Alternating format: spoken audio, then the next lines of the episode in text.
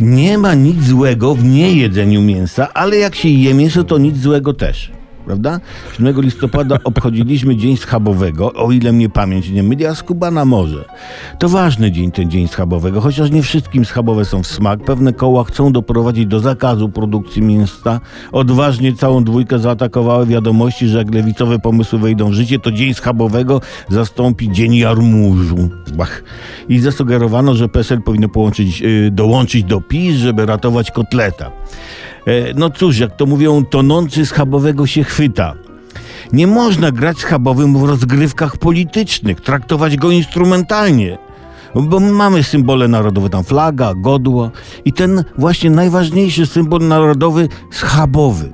Były przypadki niszczenia, palenia flagi, godła, piszą ludzie na fladze różne rzeczy, orzeł jest przerabiany na różne sposoby w internecie. E, Ale ja na przykład osobiście nie słyszałem, żeby ktoś zniszczył schaboszczaka albo pisał coś na nim, na przykład Go Iga Go, czy tam fan klub Kamila Stocha i machał kotletem schabowym na trybunach. No nie. No nie. I czyż nie jest tak, że to jednak schabowy jest najważniejszym symbolem Polski, że niezależnie od poglądów religijnych, politycznych, poza paroma wyjątkami, powiedzmy, schabowy łączy? I może to nie, nie jest znowu taki głupi pomysł, żeby na przykład nowi posłowie przysięgali na schabowego. Albo jak ktoś z parlamentarzystów jest niewierzący, to mógłby po tekście przysięgi dodać tak mi dopomóż kotlet schabowy. No. Brońmy dobrego imienia schabowego, nie zapominając o innych rzeczach.